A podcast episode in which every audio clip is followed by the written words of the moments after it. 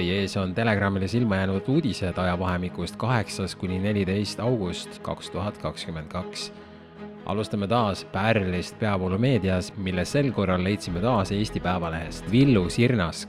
maskiuskujad said teadustünga ehk ka koroona asjus peab oma peaga mõtlema päevalehe arvamustoimetaja Villu Sirnask tuletas meelde Uus-Meremaa peaministri Jacinda Arderni kahe tuhande kahekümnenda aasta märtsis pärinevast lausest. tsiteerin, oleme jätkuvalt teie ainus tõeallikas. kui te ei kuule seda meilt, pole see tõde. tsitaadi lõpp. ajakirjaniku sõnul ei sobi suhtumine, et ainult meie teame tõde, kokku poliitikaga, mis väidetavalt juhindub teadusest. rääkimata sellest, et säärane jutt on üleüldse õõvestav ma ei suuda mõista, kuidas palju tarku inimesi nii põhjalikult ära tinistati, et nad siiamaani vana joru ajavad. kas tõesti mingi globaalne vandenõu imestab Sirnask pandeemia ajal toodetud rämpsteaduse valguses? lõpetuseks nendib ta, et on vale nõuda inimestelt koroona teemas vastuvaidlematut kuuletamist ja iseseisva mõtlemise väljalülitamist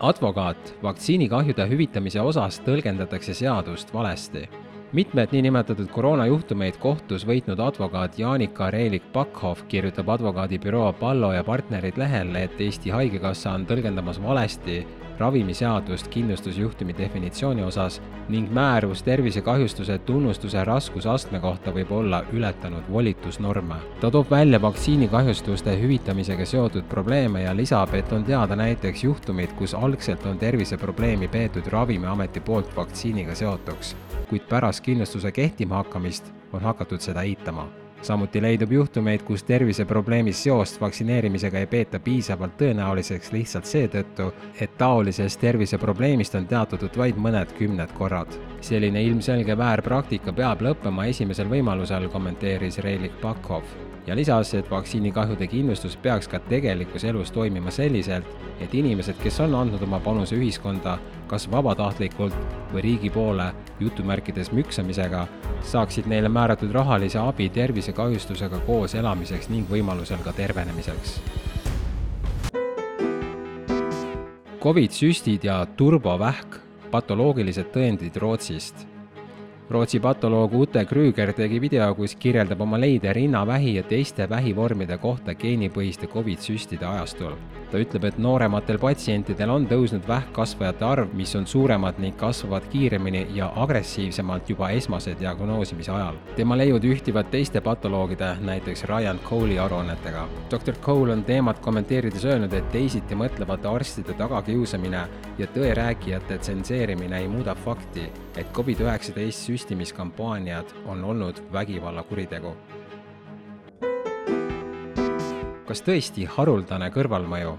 uuring näitab tervelt kolmekümnel protsendil noortel vaktsineeritutel kardiovaskulaarseid häireid. Tai uuring tervete kolmeteist kuni kaheksateist aastaste vabatahtlikega oli selgesõnaliselt pühendatud BioNTechi vaktsiini kardiovaskulaarsete kõrvalmõjude uurimisele tulemused on murettekitavad. peaaegu kolmekümnel protsendil osalejatest esines pärast vaktsineerimist südame-veresoonkonna häireid. kolmesaja ühest uuringus osalejast viis kannatas müokardiidi all.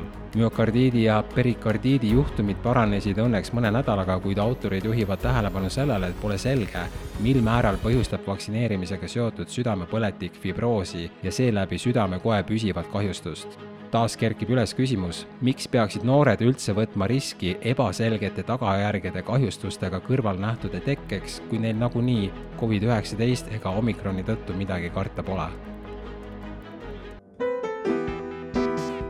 Andres Laiapea, inimõigused, Ukraina ja sõda poliitikvaatleja Andres Laiapea kommenteeris inimõiguste poolt Ukraina vägede aadressil tehtud kriitika valguses, et lääne toetus Ukrainale on ka väärtuspõhine. Amnesty Internationali andmetel on probleemiks see, et Ukraina väed on teinud mitmeid baase koolimajadesse ja isegi haiglatesse, mis aga teeb nendest hoonetest sihtmärgi vaenlasele, kes võivad nii tappa ka sihtmärkide lähedal asuvaid tsiviilelanikke Laiapea kirjutab, et Ukraina on ühinenud, nagu muide ka Eesti, Norra poolt algatatud ohutute koolide deklaratsiooniga, mille kohaselt tohib koolide hooneid kasutada relvakonfliktide ajal sõjalisel otstarbel üksnes siis, kui sellel ei ole toimivaid alternatiive. sellise piiranguga üritatakse tagada, et lastel oleks pärast sõjategevuse lõppemist kohti, kus õppetööd jätkata õigus haridusele on ju teatavasti inimõigus. sarnase manitsuse avaldas juba varem ka teine tuntud rahvusvaheline organisatsioon Human Rights Watch, küsides ka Venemaa ja Ukraina kaitseministeeriumitelt, mida nende relvajõud teevad, et tsiviilohvreid oleks võimalikult vähe.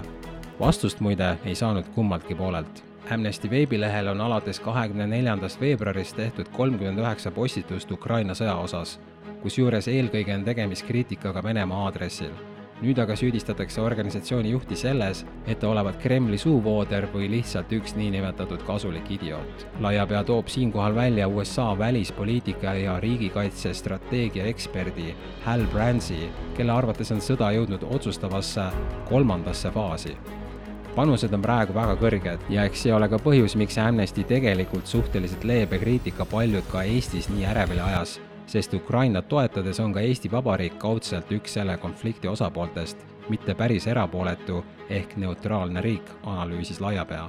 seega, kui keegi pöörab tähelepanu sellele, et inimõiguste vastu on Ukraina sõjas eksinud ka Ukraina ise, siis ründav reaktsioon Ukrainat toetavate riikide poolt on seotud sellega, et Ukrainat soovitakse näha samade väärtuste eest seisvana nagu nemad ise, sest vastasel juhul toetaksid inimõiguste rikkumist ka need lääneriigid ise kodanikuallumatus Suurbritannias. rahvas ähvardab jätta elektri- ja gaasiarved maksmata. tuhanded britid ähvardavad mitte maksta oma gaasi- ja elektriarveid. kodanikuallumatuse liikumine kogub hoogu, sest energiahinnad on paari kuuga tõusnud üle viiekümne protsendi, vahendab ERR. arvete maksmisest keelduma kutsuvale petitsioonile Don't Pay UK on juunist peale alla kirjutanud üle saja tuhande inimese arved ähvardatakse tasumata jätta alates esimesest oktoobrist, mil riik taas energiahindu tõsta kavatseb. protestijad on veendunud, et energiafirmad ei julge neile elektrit ja gaasi välja lülitada, kuid kohalikus ajakirjanduses manitsetakse inimesi seda sammu korralikult läbi kaaluma, et end mitte võlaorjusesse mässida.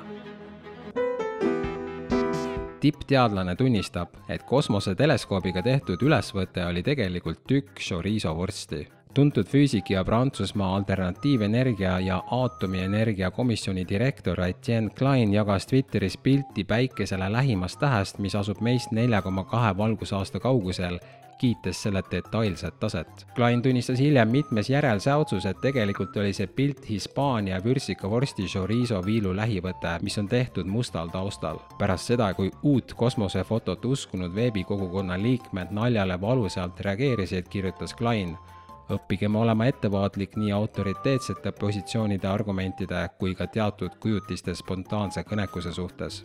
kuidas see deviis kõlaski? usaldage eksperte. Need olid Telegrami uudised möödunud nädalast. tule kapist välja ka sina, me kõik teame, et see on hauks